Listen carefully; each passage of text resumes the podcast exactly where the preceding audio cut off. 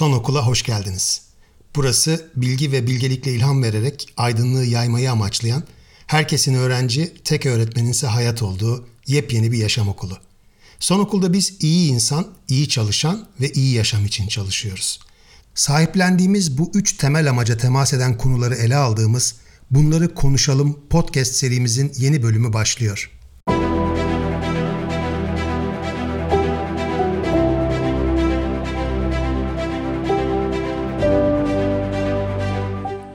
Bunları Konuşalım 6. bölüm. Lider ve liderlik.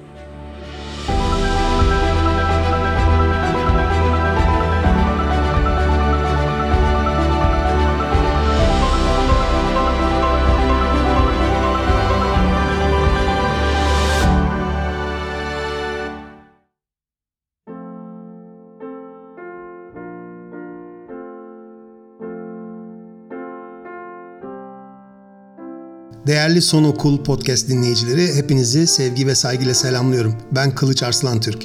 Uzunca bir zaman sonra yeniden sizlerle birlikteyiz.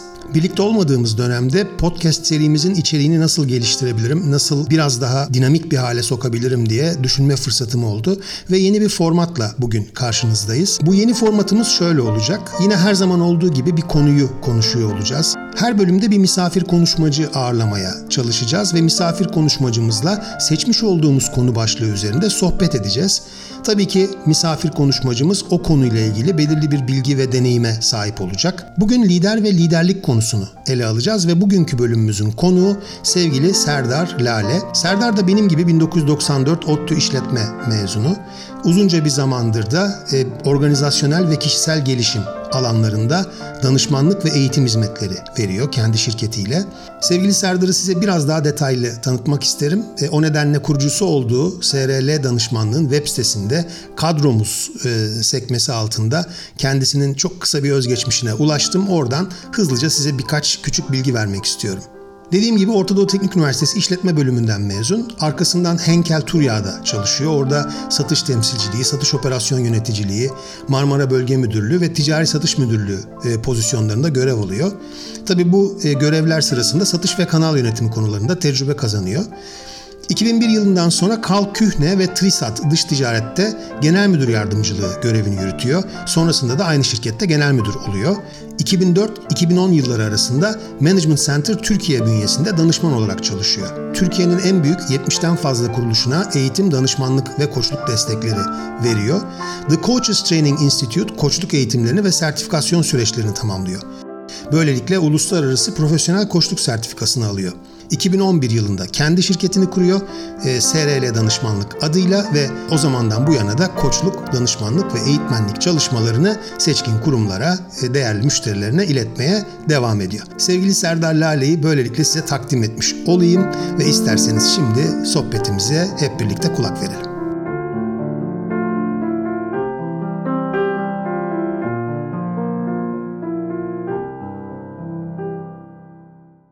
Sevgili Serdar hoş geldin. Hoş bulduk Kılıç'ım. Ne haber? Nasılsın? İyi misin? Valla iyiyim. Biliyorsun bu online hayat bizi daha çok çalıştırıyor. Çalışıyoruz. Ama sağlığım yerinde. Ailemin sağlığı yerinde. Sen tabii adadasın bir de güzel bir yerdesin. Ee, biz bu podcast'i kaydederken o, o açıdan da şanslısın aslında. Evet burası daha e, en azından yürüyüş yürüyüş yapmak falan daha mümkün. Süper. Şimdi e, seninle lider ve liderlik üzerine konuşacağız bugün. Hı hı. E, şöyle bir format izleyeceğiz. Ben kısaca dinleyenlerimiz için de açıklayayım. Önce e, bir bölüm hazırladık. E, Katılırım Katılmam adında. Ben bazı cümleler okuyacağım. Sen e, katılıp katılmadığını söyleyeceksin. Belki birkaç cümleyle çok kısaca da açıklarsın görüşünü. Bunun arkasından 5 e, tane soru var üzerinden konuşacağımız ve bunları konuşurken de bir yandan tabii lider ve liderlik üzerine de konuşuyor olacağız bu soruları yanıtlarken. E, belki bütün bu sohbet sırasında gerçek e, örnekler ele almaya çalışacağız. Hem senin hem benim hayatımızdan. E, arkasından da bir mesajla kapatıyor olacağız. E, zannediyorum yarım saat civarında sürecek bir sohbet olacak bu. Hazır mısın? Evet hazırım. Tamam. O zaman katılırım katılmamla başlıyoruz. Müzik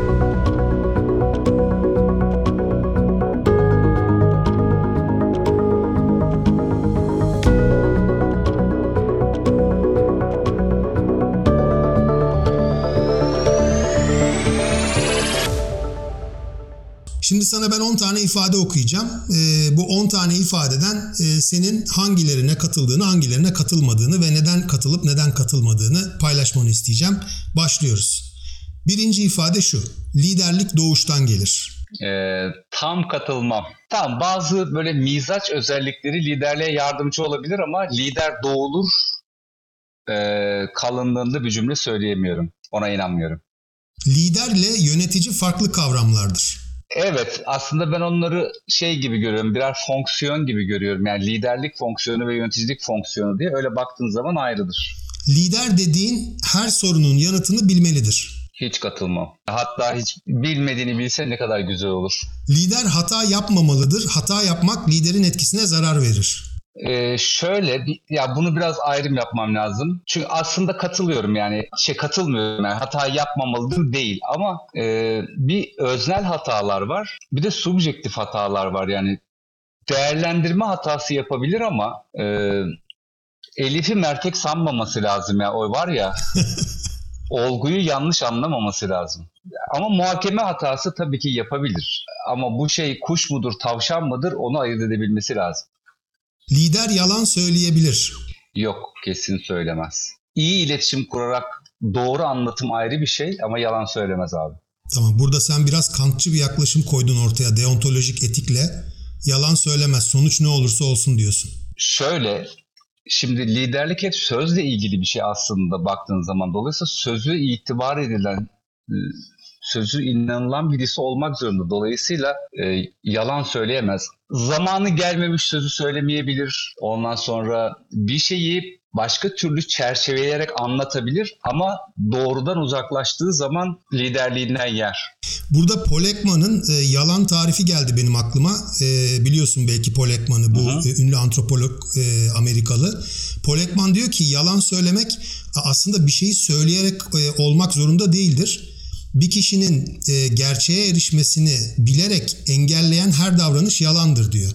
Dolayısıyla aslında susarsan, söylemen gereken bir şeyi söylemezsen ve bunun sonucu olarak e, karşındaki kişi doğruya ulaşamazsa bunu da yalan olarak sayıyor. Ya şöyle birkaç şey var. Yani bir, bir defa liderin hareketlerinin toplama faydası olması ve toplumu e, gözetmesi lazım. Yani bencillikten uzak, sadece bir kitle değil, bütüne hizmet etmesi lazım. Şimdi bütüne hizmet etmeyen bir gerçeği şimdi söylemek doğru olmayabilir. Belki üç gün sonra doğrudur. Yani onu zaman tutturması lazım. Orada biraz gerçekçi bakmak istiyorum ben. Ee, ama söylediğinin gerçek olması, söyleyeceğinin hakikate uygun olması lazım. Ama o bilgi saklamak gibi anlamıyorum ben bunu. Yani hakikate gizlemek gibi değil de zamanlamasına dikkat etmek diyeyim ya. Biraz orada gerçekçi bakmak istiyorum. Burada galiba biraz da şeyi duyuyorum senin söylediğinde doğruyla iyiyi. Yani lider aslında iyiyi öncelemelidir doğrudansa. Ee, işte o kadar kalın evet diyemiyorum buna Kılıç ya. Çünkü doğrudan ayrılmaması lazım o, o, o kesin. Ya burada da aslında liderin işinin çok kolay olmadığını herhalde e, hep ikimiz hemfikir olarak söyleyebiliriz bu konuda. E, evet. Evet burası ikircikli bir yer. Liderin zaafları olmaz. E, olmazsa ne güzel olur. Ama zaafının olduğunu bilmemesi daha tehlikeli bir şey. Dolayısıyla zaafı varsa ve bunun farkındaysa ya yönetebilir veya bunu kapatacak bir tedbir alabilir aslında. Yani çok hızlı düşünen, hızlı karar veren biri ve yanlış karar veren biri ise kendini yavaşlatacak bir mekanizma, kendini yavaşlatacak bir ekip kurabilir mesela. Ama zaafının farkında olması lazım. Yani liderin zaafları olabilir ama bunları e, dizginleyecek önlemleri alması gerekir. Yani bunların kontra garantilerini sistemin içine kurgulaması lazım diyorsun. Evet yani şöyle mesela e, bizim çalıştığımız bir şey var Barrett Values Center diye. Orada liderlerle ilgili yapılan bir anket var. Orada örnek veriyorum e, böyle sistem kurma, süreç tasarlama falan tarafında bir zafiyet var bir liderde. Çünkü daha insan odaklı, daha kavramsal falan e, düşünen, öyle hareket eden birisi. O zaman şöyle bir soru çıkıyor. Sen bu kısmı yani bu sistemler, süreçler falan buraları nasıl hallediyorsun diye bir soru çıkıyor. Ekibini böyle dizayn ederse o zaafını kapatabilir. Ama buradaki zaaflardan kastımız şey değil tabii ki yani ahlak dışı bir zaaftan bahsetmiyoruz. İnsani zaaftan bahsediyoruz. Tamam çok teşekkür ederim. E, lider dediğin asla vazgeçmez. E, katılırım. Bazen ısrar etmekten vazgeçmesi gerekiyor. Oranında orayı tutturmak imkansız. O kendi bilecek oranın nere olduğunu. Yani bir noktada artık e, bırakması gerektiğinin e, de farkında mı olmalı? Aynen bir esneklik gerekiyor çünkü asla vazgeçmeyeceğim diye olmayacak yollara girip de oralarda kendini ve insanları helak etmesinin alemi yok. Yanlış oldu burası deyip dönebilir yani. Peki ortada bir grup yoksa bir lider de yoktur. Yani kişisel liderlik diye bir şeyden bahsediyoruz ama o bile başkalarıyla etkileşim içinde olduğu için katılırım buna. Liderlik pozisyon veya ünvan gerektirir. Hayır gerektirmez. Ama bazen insanların kişisel gücü yetmediği için bu dış güçler yani pozisyon ve yani kendinin dışındaki güçler yardımcı oluyor ama aslında liderlik perspektifinden bakınca şart değildir. Lider e, son olarak bu son cümlemiz lider tepeden yönetir detaylara girmez. Ee, katılırım. Aslında genel detay dengesini iyi tutturması lazım. Ne zaman genelde kalacak, ne zaman detaya ineceğin dengesini iyi tutturması lazım. Ama detaya girmez konusunda katılırım.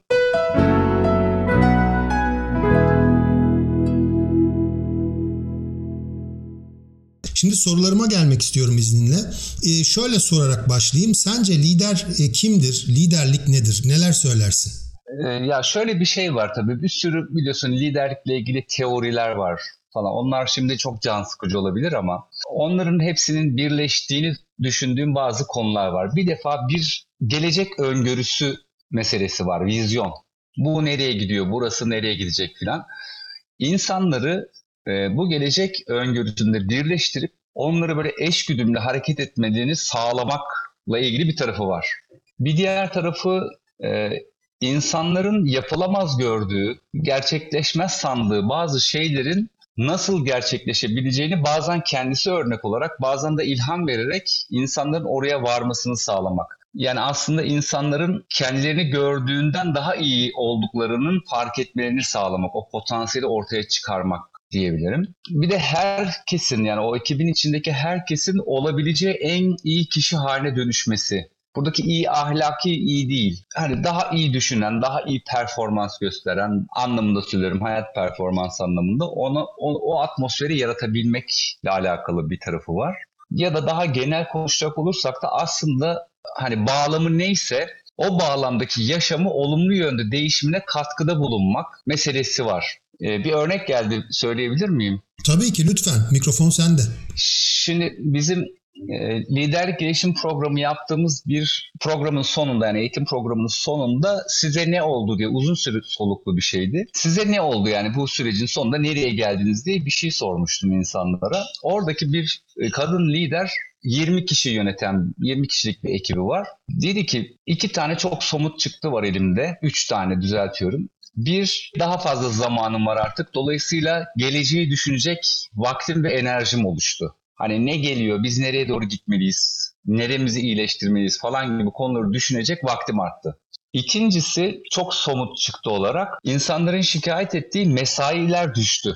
Yani fazla mesaiye kalmıyorlar artık. Dolayısıyla biraz daha özel hayatları, iş hayatları dengeye girdi. Üçüncü somut çıktı. Orada yapılan bu çalışan bağlılığı anketinde şirketin en yüksek skorlarına ulaşmış hemen hemen her boyutla. Şimdi kastettiğim şey bu yani oradaki yaşamı iyileştiriyor işte. Oradaki 20 kişi ikişer kişiye daha temas ediyorsa ailesinde aileden 40 kişiye çıkıyor. Belki de 100 kişiye 200 kişiye temas ediyor oradaki grup. Dolayısıyla oradaki yaşamı iyileştiriyor. Ee, biraz böyle bakıyorum. O yüzden demin konuşurken de toplama faydası derken de biraz kastettiğim buydu. Şöyle duyuyorum seni aslında lideri habitat yaratan bir kişi olarak tanımlıyorsun ve o habitatın bir parçası olan kabilenin ve tabii onlara temas edenlerin hayatlarına iyilik katan, güzellik katan, onu kolaylaştıran, e, onlara bir amaç yükleyen ve bir yandan da e, kendi potansiyellerini ortaya çıkartmalarına aracı olarak onların da yaşamlarına, e, bireysel yaşamlarına da anlam transfer eden ya da anlam oluşmasına yardımcı olan onların kendi hayatlarında bir kişi olarak görüyorsun lideri. Elbette bir bir şey daha geldi aklıma. Bir sigorta firmasının genel müdürü olan birisinin hikayesi bu. E, şirkete genel müdür olmadan önce yatırımcılar yani sermaye sahipleri devam etsek mi bıraksak mı diye bir karar aşamasındalar. Yani işleri iyi gitmiyor. O haldeyken bu arkadaşımız oraya genel müdür oldu. Sırf o sene şirket hemen kâra geçti. Ondan sonra hep karlı ilerledi. Şöyle bir özelliği var. Şirket karının yarısını bütün çalışanlara eşit olarak dağıtıyor. Kendisi almıyor. Genel müdür yardımcıları dahil, ne bileyim ilk seviye uzman dahil her kim varsa kardan eşit miktarda para alıyor. 2-3 senenin sonunda herkes kazandığı paranın kesinlikle daha fazlasını kazanır hale gelmiş durumda. Ee, bir şeyi farklı yapmanın, katkıda bulunmasının getirdiği farkı görmekten gelen bir motivasyon var. Ben onların bir toplantısına katıldım. Hakikaten şeyi, enerjilerini hissediyorsun böyle.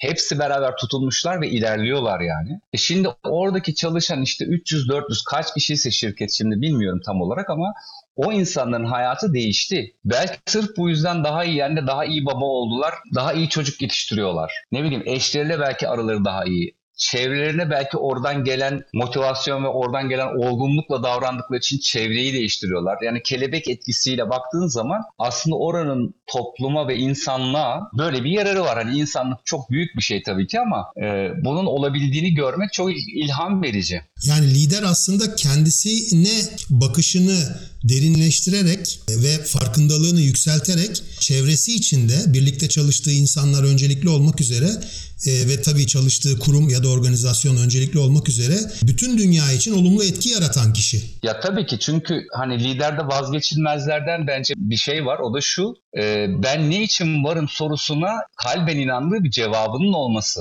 onun e, motivasyonuyla, onun gereklilikleriyle hareket etmesi. Bu illa ilahi, ulvi bir şey olmayabilir. Hani bu genel müdür örneğine baktığın zaman böyle çok ulvi şeyler söylemez mesela konuşurken. Ama diyor ki benim şu andaki etki alanım buradaki insanlar olduğu için buradaki insanların hayatını olumlu yönde değiştirmek istiyorum. İşte bunun bir aracı. Aslında değerlerini hayata geçiriyor. E, iş buna sadece vesile oluyor ve beraber olduğu insanlar da bunun e, olumlu etkilerini yaşıyorlar. Evet.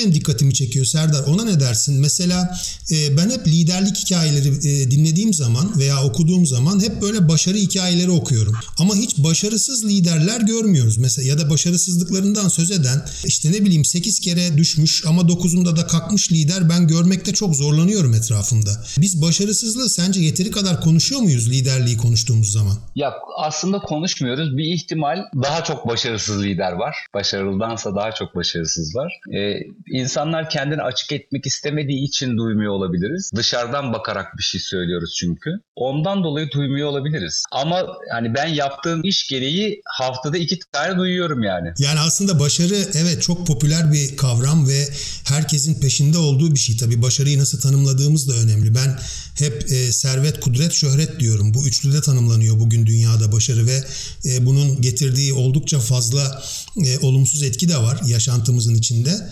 E, ama başarısızlığı biraz daha fazla konuşmaya herhalde ihtiyacımız var. Özellikle liderler ve liderlik konusunda. Ya evet çünkü o senin söylediğin üçgen sanırım aynı fikirdeyim. Ee, kazanma üzerine, yani kazanmakla başarılı olmak arasında bir fark var. Politik liderleri düşünelim tamam mı? Hiç isimle girmeden falan. Seçim kazanıyor olması bir kazanmadır. Başarı başarı göstergesi değildir. Başarı göstergesi orada insanların nasıl yaşadığıdır. Orada insanların neler ürettiğidir. Ya da bir şirketteki bir yöneticinin oradaki liderlik kalitesi neticesinde somut finansal sonuçların iyi olması bir kazanma olabilir. Ama başarılı bir hayat mı var orada başka bir sorudur. Bu ayrıma gitmek gerekiyor. Burada sanki şey duyuyorum. E, ne dersin? Mesela e, senin söylediğin ayrımı eğer adlandıracak olsam şöyle derdim. E, sonuç ve etki. Yani e, seçim kazanmak bir sonuç ama onun etkisini daha görmedik biz. Aslında başarı etkiyi gördüğümüzde gelecek. Evet yani çünkü şöyle bir şey var kurumlarda da var o. Ben ona sonuç obsesyonu diyorum yani bir sonuç obsesyonu oluştu. O sonuç obsesyonu aslında ne yaratıyoruz bir sorusunu güme götürüyor. Yani burası nasıl bir yer oldu? Buradaki ne bileyim insanın 5 yıl çalıştı ya bu 5 yıl içinde bu insanlar geliştiler mi? Kendilerini daha fazla ortaya koymaktan gelen bir tatmine ulaştılar mı? Aralarındaki ilişkiler onları yükselten bir şey mi? büyüten bir şey mi yoksa tüketen bir şey mi? Hani başarıyı biraz buralarda aramak gerektiğini düşünüyorum. Finansal sonuçlar önemsizdir demeye çalışmıyorum ama bunu obsesyon haline getirince öbürleri gölgede kalıyor. Ayrıca da zaten e, bu konuyu atladığımız zaman e, sonucun istikrarını da engellemiş oluyoruz. Yani e, sonucun sürekliliğine de bir olumsuz etkimiz oluyor gibi geliyor bana. Evet yani ben kendi işimden doğru konuşayım böyle genellemeyeyim şirketler bağlamında konuşayım dolayısıyla. Şimdi burada baktığın zaman aslında yani bir sürü mega trend var bu dijitalleşme falan filan ama sürdürülebilirlik herkesin konusu. Hangi şirkete birime baksan sürdürülebilirlik diye bir şeyleri var. Şimdi bu sürdürülebilirliğin bir boyutu insan kaynağı aslında insanlar ve kopyalanamaz bir şey bu. Yani bir şirket nasıl bir insan kaynağı atmosferi oluşturduysa, yarattıysa bir başkasının aynısını yapamaz. Tek kopyalanamayan o, öbürü kopyalanır. Yani dijitalleşme işte herkese açık bir şey. İnovasyon herkese açık bir şey. Zaten hani biliyorsun adam iPhone'u çıkartıyor 5-6 sene sürüyor benzerlerinin türemesi. Dolayısıyla böyle ürün, süreç vesaire inovasyonlarının kopyalanabilirliği çok yüksek. Ama insan kaynağının niteliği, oranın kültürünün niteliği kopyalanabilir değil. Ve eğer bu bir e, avantaj sağlıyorsa e, hayatın iyileşmesine, oradaki insanların, müşterilerin vesairesinin hayatlarının zenginleşmesine bir olanak sağlıyorsa bence başarı buralarda bir yerlerde. Sonuç obsesyonda değil. Great Places to Work var ya hani yani orada galiba insanı aramak daha doğru e, mekanı aramaktansa. Evet yani benim hani şimdiki aklım olsaydı meselesi var ya burayla doğrudan bağlantılı onu söyleyeyim. Ben bir ara Henkel'de çalışırken bölge müdürlüğü yaptım. Şimdi tabii buradan geriye baktığım zaman kendimi değerlendirdiğim zaman acayip böyle veri odaklı ve süreç odaklı bir tarzım varmış. İnsanı da gözden kaçırmışım aslında. Hani o insanlar ne haldeler, yapabileceklerin en iyisini mi yapıyorlar? Motiveler mi? Bu işin onlar için ne manası var? Kendi aralarındaki ilişkiler nasıl? Gelişiyorlar mı falan bunların hepsi gözden kaçmış. Bu aslında o insanları insan gibi görmek yerine kendi hedeflerime ulaşacağım araçlar gibi görmemden kaynaklanıyor. Ee, bu çok önemli bir fark Kılıç. Yani liderin şeyden de bahsetmiyorum hani sadece duygusal bir şeyden de bahsetmiyorum. Duygular falan kısmı da tabii ki çok önemli ama onu birisi olarak görmek, onu birisi olarak bir insan olarak görmediğin zaman ya engel olarak görüyorsun ya bir şeye ulaşmak için bir araç olarak görüyorsun ya da hiç alakasız yani ikisine hizmet etmeyen bir şey olarak görüyorsun. Liderin yapabileceği en büyük hata bu. Benim yaptığım hata da bu aslında. Onları araç gibi görmüş olmak. Yani o zaman bir sonuç elde ediyorsun aslında ama yarattığın ortam o sür, sonucu sürdürebileceğin bir ortam değil. Ha bunun ne önemi var dersen valla ona da herkes kendi karar verecek. Aynen yani burada sonuçlara saplanıp kalıp e, yönetmeyi seçtiğin zaman e, galiba etkiyi hem de bu arada sonuçların yaratacağı etki ve ayrıca senin yarattığın etki olarak da ikiye ayırabiliriz onu e, burayı çok fena ıskalama riskini de taşıyorsun lider olarak. Evet.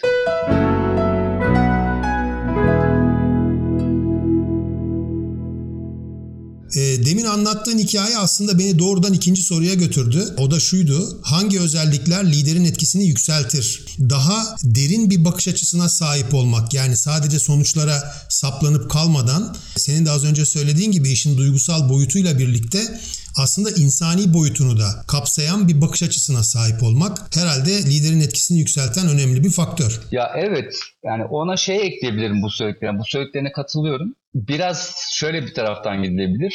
Liderin kendini yeteri kadar inceleyip kendini bilmekten gelen bir özgünlüğünün olması bir kendilik dediğimiz şeyin ortaya çıkması, dolayısıyla da kalıplardan arınmış düşünebilme netliği, ben neyi ne için yapıyorum konusunda bir bu İngilizce purpose olan biz amaç deyince geleceğe matuf bir şey gibi anlıyoruz da yani ne için varsın bununla dair bir cevap netliğiyle hareket etmesi iç motivasyonu da buradan sağlaması bu özelliklerini yükseltiyor. Bunun tersi ne? Bunun tersi aslında korkudan motive olmak, e, kalıpların içinde kalarak düşünmek diyebiliriz. Yani korkudan motive olmak ne demek? Başarısız olmaktan korkmak, geri kalmaktan korkmak, işte parasız kalmaktan korkmak falan. Bu da insanı motive ediyor aslında, ilerletiyor gibi gözüküyor. Fakat sonuçları itibariyle aynı şey değil bu ikisi. Yani aslında havuç ve sopa dışında bir şey var artık dünyada öyle değil mi? Evet, evet. Yaşam amacı, varlık amacı filan bir sürü şey deniyor. Ben de diyordum zamanında.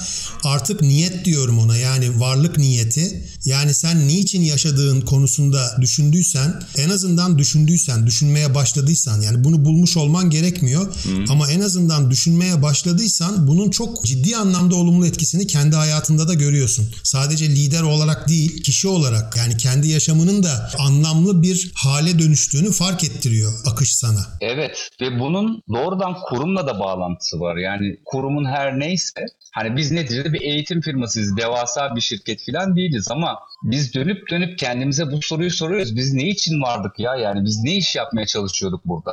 Eğer bu soruyu ara ara dönüp sorup yeteri kadar incelemezsen o zaman hayat seni çekiştirip götürdüğü için yani adeta ciroskop etkisine girip böyle sadece sonuçlar peşinde koşmaya başladığında amacı kaybettiğin için nasıl söyleyeyim yani var ya öyle bir laf gazoz olma efsane oluyor gazoz haline geliyorsun yani. Gerçek anlamda hayatın hakkını vermekten uzaklaşıyorsun. Hani Acar Hoca diyor ya ben yaşam sofrasından tok kalkacağım diye. Biraz galiba işin o boyutunu da kaçırıyorsun öyle olduğunda.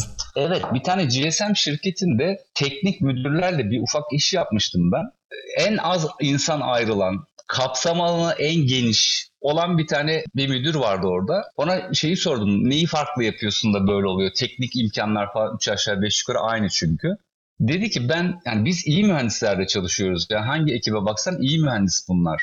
Dolayısıyla işlerini yapabilir insanlar. Eksikleri olsa da falan filan. Ama ben her toplantıda onları biz aslında ne iş yapıyoruz onu anlatıyorum. Yani bilmem ne yolundan geçerken ki virajda çekmiyoruz. Orada birinin lastiği patlarsa haber vermesi lazım. Ya da şu bölgenin şurasında bir zayıflık var. Orada bir kadın ne bileyim doğum yapacak olan bir kadının başı derde girerse haber verebilmesi lazım falan. Bizim yaptığımız iş bu.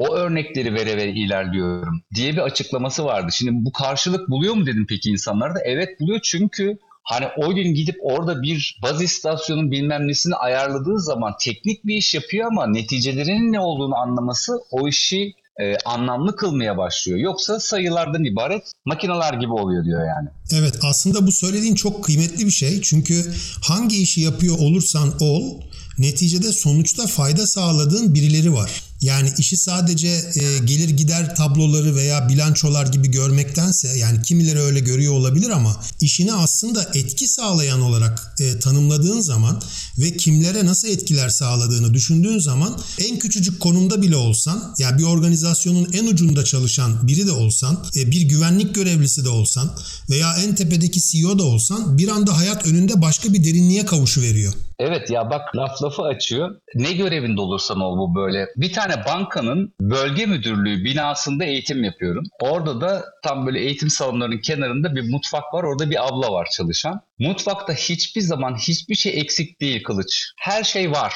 Her şey zamanında var falan. Sabahları bakıyorum böyle. Ben eğitime geldiğim için biraz daha erken geliyordum. Ben geldikten sonra mesaiye insanlar geliyorlar işte oturuyorlar falan. Bu abla böyle çayını kahvesini alıyor. Herkese tıkır tıkır tıkır tıkır dağıtıyor böyle. Acayip bir sessizlikte ve acayip disiplinle yapıyor bunu. Sonra bir gün bununla bir sohbet ederken dedim ki sen nasıl yapıyorsun bunu böyle? Yani ne yapıyorsun? Dedi ki ya sabahları trafikten geliyorlar. Biraz gergin geliyorlar şubelerle konuştukları için de hani o gerginlik iyi bir şey değil. Ben onları sakinleştirmeye çalışıyorum aslında. Vay canına. Bundan bahsediyoruz. Bu her şeyin içinde var zaten. Buna bakman gerekiyor. Bunu keşfetmen gerekiyor. Bunu icat etmen gerekmiyor. Bunu uydurman gerekmiyor. O şeyin kendinde var zaten bu. Onu keşfetmek için bakmak gerekiyor sadece.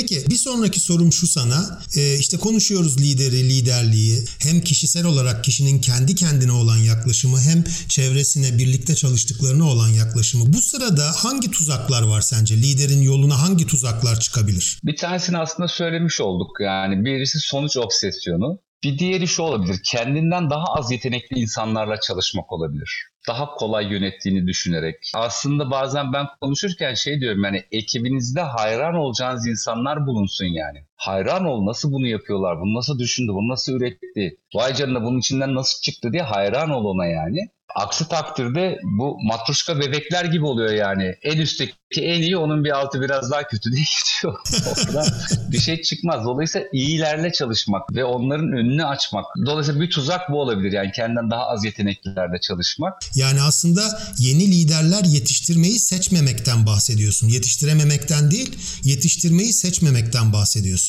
Evet. Ya çünkü şöyle bir şey biraz can sıkıcı oluyor Kılıç. Yani açık söyleyeyim hani ben de kendi yönettiğim işin içerisinde var bu. Ee, ben bizimle çalışan herkese diyorum ki hayır demek, evet demek eşit değerlidir bizim şirkette. Yani bir iş var ve sen bunu yapmak istemiyorsan ben bunu yapmak istemiyorum diyebilirsin. Bunu dediğin için başına hiçbir şey gelmeyecek.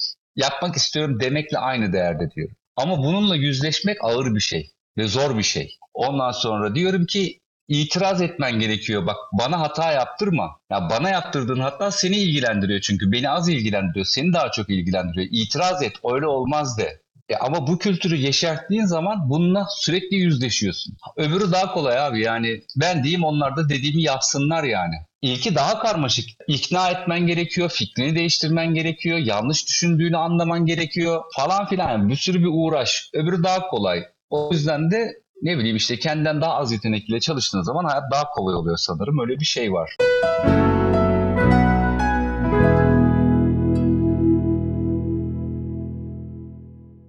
hızlı olmak gerekir önermesine inanmak da galiba bir tuzak. Çünkü ben hep şunu duyuyorum genellikle. E, böyle davranıyoruz çünkü farklı düşünen insanlar bizi yavaşlatıyor. Ya evet ben orada şeye güldüm. Geçen bir arkadaşla konuşuyorduk da dedim ki kardeşim devlet bir yasa çıkarsa dese ki hani bu yatırımın geri dönüş zamanı vardır ya o minimum şu kadar olacak dese kurtulacağız bu işlerden. Yani yatırdığını 3 senede, ay niye 3 senede çıkartıyorsun? 8 senede çıksın ya. Ütopik bir şey söylüyorum ama buna bakmak gerekiyor. Yani burada garip bir hız şeyi var evet yani. O yüzden işte böyle insana uygun olmayan bir sürü yeni icatlar çıkartıyoruz ondan sonra. Multitasking. E, insanın doğasına uygun değil multitasking. Yani bir de multitasking yapabilen insanlar var. E, bu insanlar sanki daha yetkin insanlarmış gibi görülüyor. Bir de öyle bir durum var. Evet yani aslında odak kayması demek, bir sürü şey demek. Ee, bir konu daha var aslında bu tuzaklarla ilgili. Belli bir süre başarı geldikten sonra özellikle kazanmak hani o başarı ve kazanmak arasında bir fark yarat konuştuk ya. Ee, bir süre kazanma gerçekleşince liderlerin bir şeyi var böyle kendinden kaynaklandığını, olayın kendinden kaynaklandığını sanma yanılgısı var. Bu şey gibi kılıç yani Tanrı kompleksi. Ya evet bu da her seviyede var. Hani en tepede var, en aşağıda var fark etmiyor. Bu biraz şunun gibi bir şey yani bir çiçeğin kendiyle övünmesi gibi. Yani ne kadar güzelim. Ya evet güzelsin de orada bir toprak vardı, orada bir gübre vardı, güneş vardı, su vardı, bakım vardı da sen öyle çiçek oldun. Git kayaya otur bakayım bir bir şey oluyor mu? Evet yani böyle bir e, etkide var hakikaten. Burada tuzaklardan bir tanesi de galiba mikro yönetim. Ya evet bu sık karşılaşılan bir şey. Şu narsizmle ilgili bir şey söyleyip sonra buna döneyim kılıç izin verirsen. Lideri böyle narsistleştiren bir şey şu etrafında bir süre sonra senin iyi olduğunu söyleyen insanlar kaplıyor. Ya gerçekten onlarla kaplanıyorsun. Bulunduğun pozisyona göre de yani operasyondan uzaklaştığın için ne yani olup gidenden uzaklaştığın için gerçeği görmen aslında ulaşıyor. Gerçekte bağın kopuyor bir süre sonra. Yani ben bunu çalıştığım bir şirkette gördüm böyle yönetim kurulunun başkanının etrafında bir 4-5 kişilik bir ekip var. Yani adama sürekli çok iyi konuştunuz. Bakın bu çok iyi oldu. Şimdi o yaptığınız aldığınız karar vardı ya onun neticesinde böyle şeyler oldu falan diye bir iyilikler anlatıyorlar. Bunlar doğru ama doğrunun yüzde onu yani daha doğrusu hakikatin yüzde onu doğru. Bir yüzde doksan var ki yanıyor yani. Oralarla ilgili kimse ağzını açmak istemiyor. Ama bunun açmak istememesinin sebebi lider buna izin vermiyor aslında. Hani liderin zaafı olur mu diye bir şey sormuştun ya. Olumsuz bir şey duymak istemediği için kendi yaptığıyla ilgili onlara reaksiyon verdiği için insanlar susmuşlar sadece iyileri söylüyorlar. Ee, bir de galiba e, eleştiriyi kabul etmemek ile gösteriyorlar bunu. Yani bana kötü haber getirmeyin ben duymak istemiyorum diyen yöneticim vardı benim mesela. İşte orada bir, bir yüzleşme kapasitesi var. Yani liderin o yüzleşme kapasitesini artırması lazım. Mücahane Cündoğlu'nun bir sözü var. Tam hatırlayamayacağım ama mealen doğru aktaracağımı sanıyorum. Zaman içerisinde nefsimi olumsuzluklardan incinmeyecek bir olgunluğa getirdim. Aslında biraz Böyle bir şey yani liderin de uğraşması gereken şey bu yani nefsini terbiye edip olumsuz bir şey duymaktan incinmeyeceği bir olgunluğa gelmesi. Ama bunun mütemmim cüzü, bunun ayrılmaz parçası demin senin söylediğin o varlık sebebi ya da niyeti konusundaki netlik. Çünkü eğer orada net bir fikri var ve kalben de inandığı bir şeyse o zaman o olumsuzluklar onun hizmet ona hizmet eden bir şey haline geliyor aslında. Aslında galiba böyle bir bakış açısına sahip olduğu zaman lider e, sorumluluk hissi de yükseliyor, kuvvetleniyor ve dolayısıyla sadece dediğin gibi az önce olumlu sonuçları değil olumsuz sonuçları da üstlenme kapasitesi de ortaya çıkıyor. Evet zaten sonuç obsesyonunun problemi de burada. Sonuç aslında şey gibi ya hani yolda giderken ki e, trafik tabelaları gibi. Yani hızını 90'a düşür diyor. Bakıyorsun 90'da mısın? Hayır 110'dasın. Ha sapmışsın 90'a düş yani. Sonuç sana bunu söylüyor. Yolun nasıl gideceğini söylemiyor.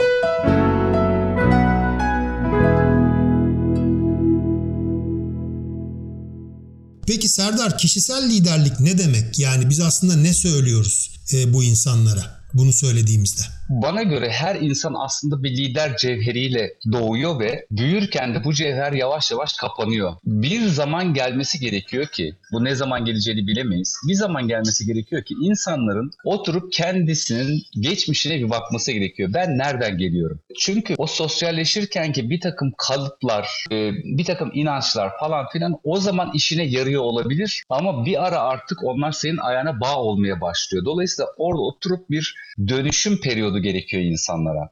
Bir, bir bacağı bu. Ben nereden geliyorum? Ve o ayağına bağ olduğunu düşündüğü kalıpları, kişisel inançları neyse onları bir ayıklaması gerekiyor ki e, oradan bir varoluş sebebi ya da ne diyelim kitabın yeni bölümünün başlığını bulması. Ya ben bundan sonra böyle ilerleyeceğim. Şunun oluşması için varım diye bir cümle bulması, kendi inandığı bir cümle bulması. İşte motive eden sebebin bu olması gerektiğini düşünüyorum. Uzakları konuşurken de buradaydık. Hani kendini beğendirmek isteyen birini düşün, takdir almak isteyen birini. Olumsuzu duymak istemiyor doğal olarak. Ama kendini yeteri kadar ayıklayabilirse e, o takdir arzusu, beğenilme arzusundan kendini kurtarabilir. Tamam beğenilme arzusunu kenara koydun. Yıllarca bununla motive olmuştun diyelim ki. Onu kenara koymayı başarınca bak bir boşluk açılıyor. Peki ben şimdi ne için eylemde bulunacağım? Ne için konuşacağım? Ne, ne anlam ifade edeceğim? Yeni bir anlam yaratma imkanı çıkacak ortaya. Dolayısıyla kişisel liderliğin bir boyutu böyle bir şey. Yani geçmişinden arınıp, barışıp, tokalaşıp yeni bir mana yaratması kendiyle ilgili. Varoluş sebebinden alması yani motivasyonu. Bir boyutu bu. Öteki boyutu kendini e, ifade ederken bir özgünlük ve nesnellik belki de şöyle bir şey. O an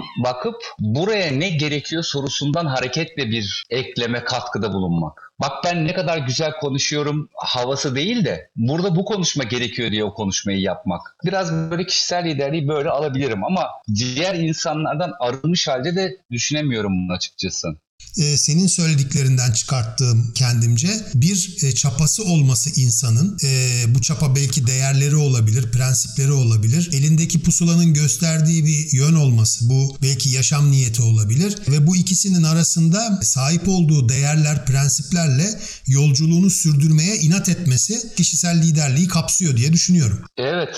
Bir ara şey diyordum ben hayat hayat şey gibi bu oy, oyun hamurları gibi diyordum. Yani doğunca sana bir hayat şey veriyorlar. Hmm, oyun hamuru veriyorlar. Bundan bir şey yap diyorlar.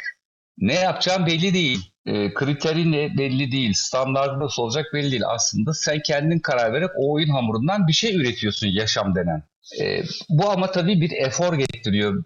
Entelektüel bir efor gerektiriyor daha doğrusu. Çünkü hazır cevaplar var biliyorsun yani. O hazır cevapların üstünden gidersen böyle sorular yok.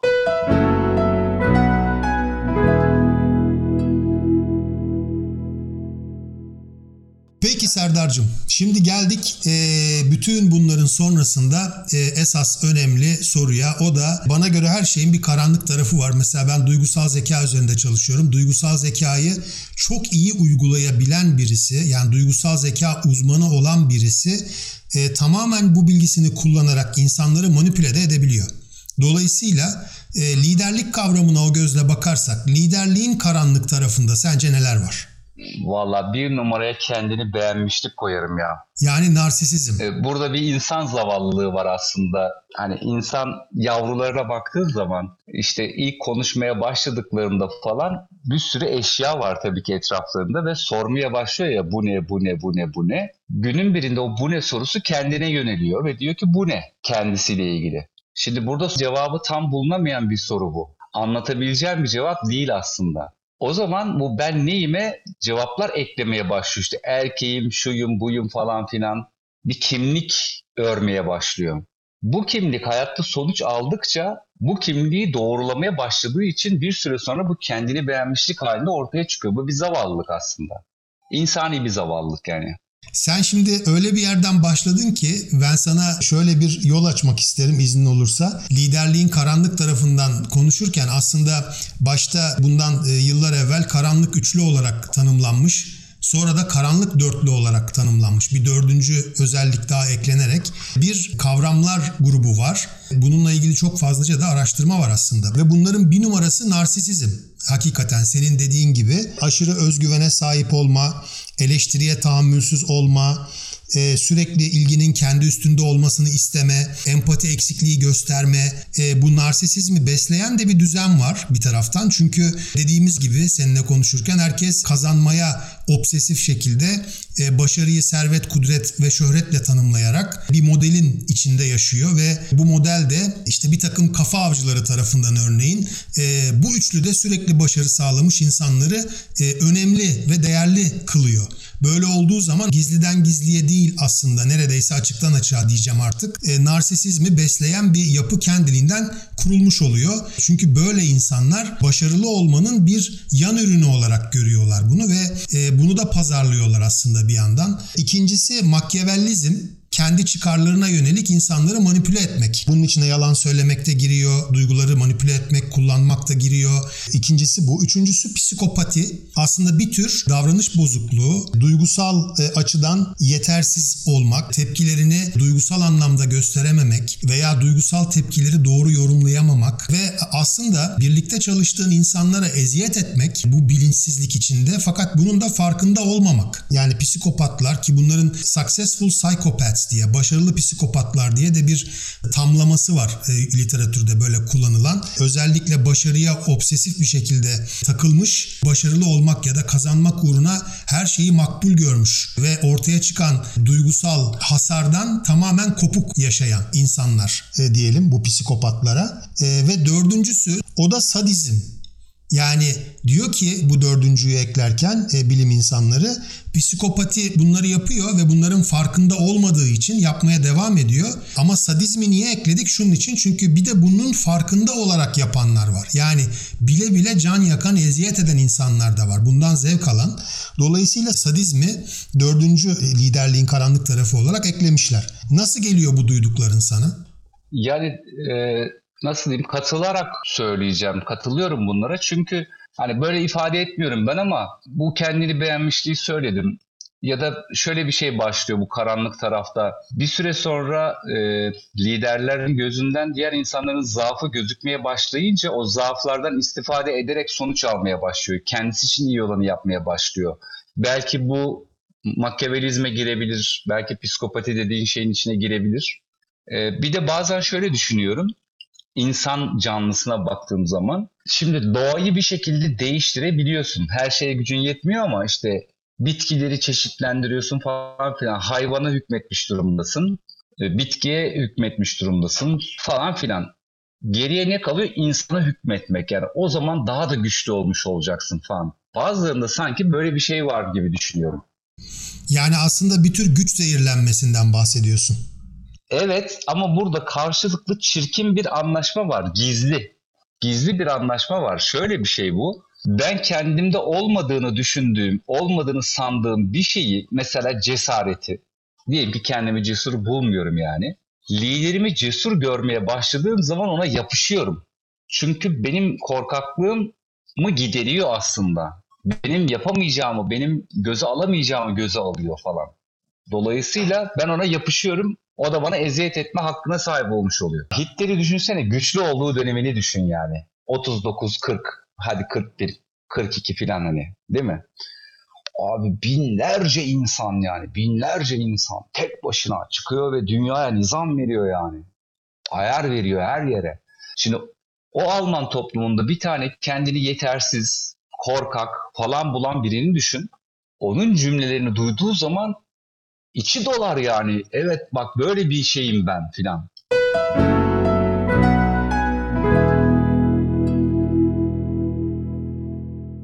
Bir de aydınlık üçlü varmış biliyor musun?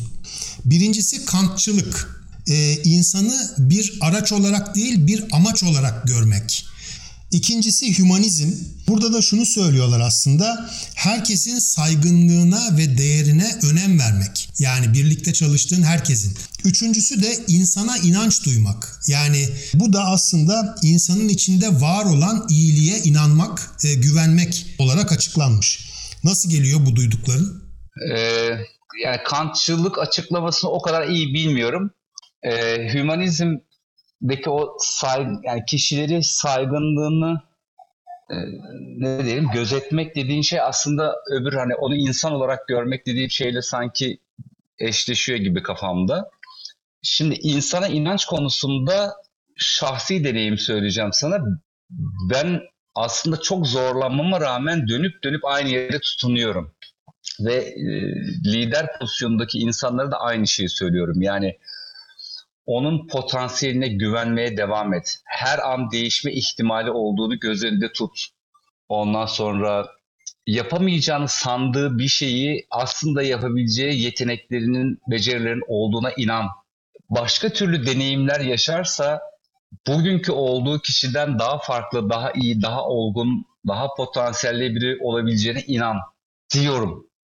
E, hayatımdaki bazı örnekler bunu şey yapıyor, bunu buna örnek temsil etmiyor ya da bu, bu, bu düşünceyi çürütüyor ama başka türlü düşündüğüm zaman da rahat edemiyorum. Ya. O zaman niçin uğraşacağım ki oluyor.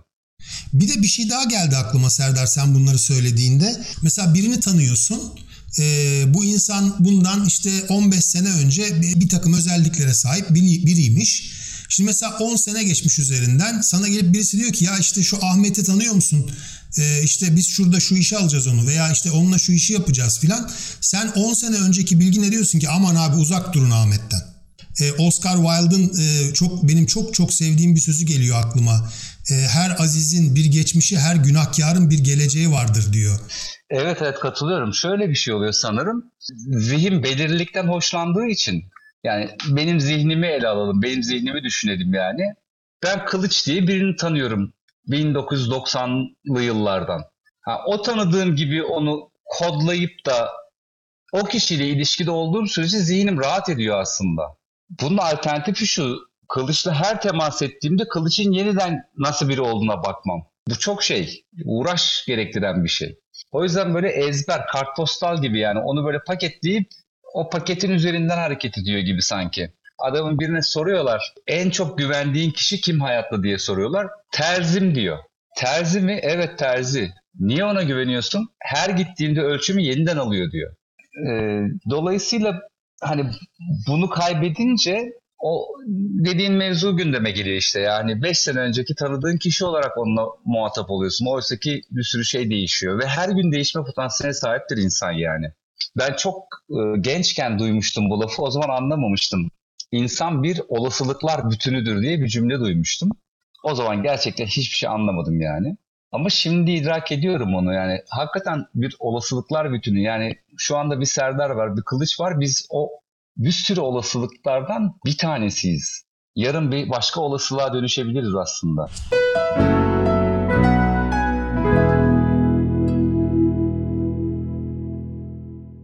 Serdar çok güzel keyifli konuştuk valla. Biraz da uzun oldu aslında. Benim e, bu kadar uzun olmasını beklemiyordum ama galiba biz ikimiz bir araya gelince e, süreler de böyle akıp gidiyor. E, neyse şöyle kapatalım istersen. Ya bütün e, konular üzerine, liderlik ve lider üzerine uzunca konuştuk. E, bu konular üzerinde, e, bütün konuştuklarımız üzerinde sen dinleyenlerin bizi e, aklında neler kalsın istersin? E, bu e, podcast bölümünü dinleyenler buradan neleri alıp yaşamlarına götürsünler istersin? E, eğer iş senin gönlüne kalsa. Ee, ya bir defa şeye inanmalarını isterim. Her doğan insan bir liderlik cevheriyle doğar. Bizim işimiz de bu yani her birimizin işi de kendi liderlik cevherini işlemektir Birincisi böyle bir şey söyleyeyim. E, ikincisi bu gene Dücaden'den alıntı yaparak söyleyeceğim. Onun çok önemli bir konuşması var. E, kimlik, kişilik, kendilik diye. E, kendiliği benim anladığım haliyle yani kendini incelemek, kendi üzerinde çalışmak diye kodlayayım şimdilik. Bu e, yola girmediğin zaman kişiliğin üzerinden ya da sahip olduğun kimlikler üzerinden hareket ediyorsun ve bu liderliğini aslında kapatan bir şey. Özgünlüğünü yok eden bir şey. O yüzden kimliğin ötesinde, kişiliğin ötesinde bir kendilik var. Oraya doğru bir yolculuk olsa ne güzel olur derim. Son olarak da şöyle söyleyeyim. Şimdi bizim doğduğumuz ortam hani insanın medeni, medenileştikten sonraki hali anlamında doğduğumuz ortam diyorum. Doğduğumuz ortamda e, nelerin önemli olduğuna dair bir set var aslında. O sete aldanıyoruz. Oysa ki neyin değerli olduğuna bakmamız, hani önemli olanı bize veriyorlar ama nedir değerli olan gerçekten onu iyi ayırt etmemiz gerekiyor. Bunlarla ilgili insanların çalışması ne kadar güzel olur diyeyim Kılıç ya.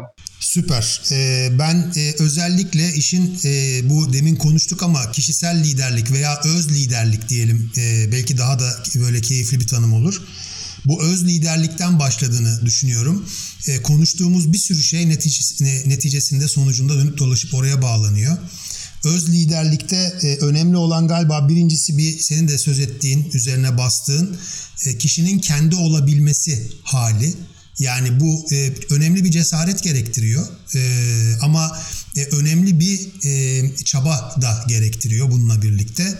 E, bu, bu da bir yolculuk kendi içinde baktığımız zaman ama e, bu çok önemli ve işin bana göre de başlangıç noktası. Her şey seninle başlıyor deyip duruyoruz ya aslında öyle hı hı. hakikaten de.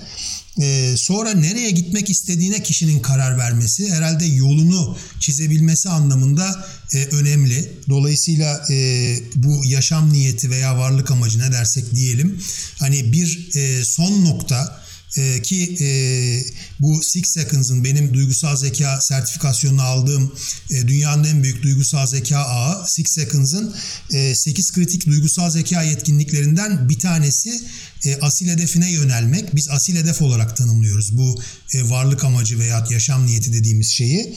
Bu asil hedef de e, şöyle bir farklılık içeriyor e, sen e, yaşarken gerçekleşmez diyor Six Seconds. Yani bu o kadar büyük bir şeydir ki aslında.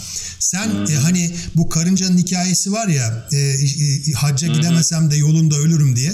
Hani dolayısıyla aslında sen e, neyin yolunda ölürsün mecazen. E, bunu bulabilmek, bunun üzerine düşünmek, e, bunu önemsemek herhalde önemli.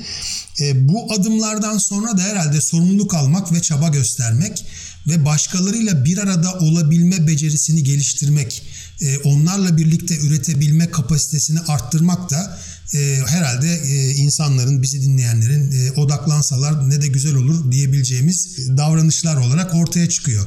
Ne dersin? Valla bir kelime eklemek istemem Kılıç mutabıkım böyle.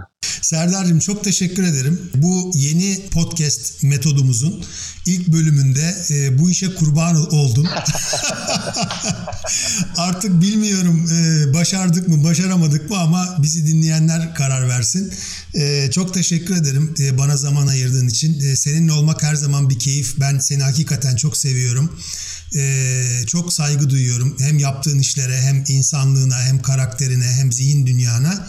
Ee, bize zenginlik kattın. Son okulu da aydınlattın varlığınla. Ee, umuyorum e, dinleyenler de keyif almışlardır. Ee, varsa bir son söyleyeceğin onu alayım sonra vedalaşacağız. Yani ben de umarım birkaç kelime faydamız olmuştur diye düşünüyorum. Ben de seninle her sohbet ettiğimde çok öğrenirim Kılıç. Ee, hani değerlendirmelerini hep böyle geniş bir yerden alırsın çünkü ve başka başka örneklerle bağlarsın. O bakımda bana ilham veren birisin. Çok mutlu oldum burada da bir daha buluştuğumuza yani.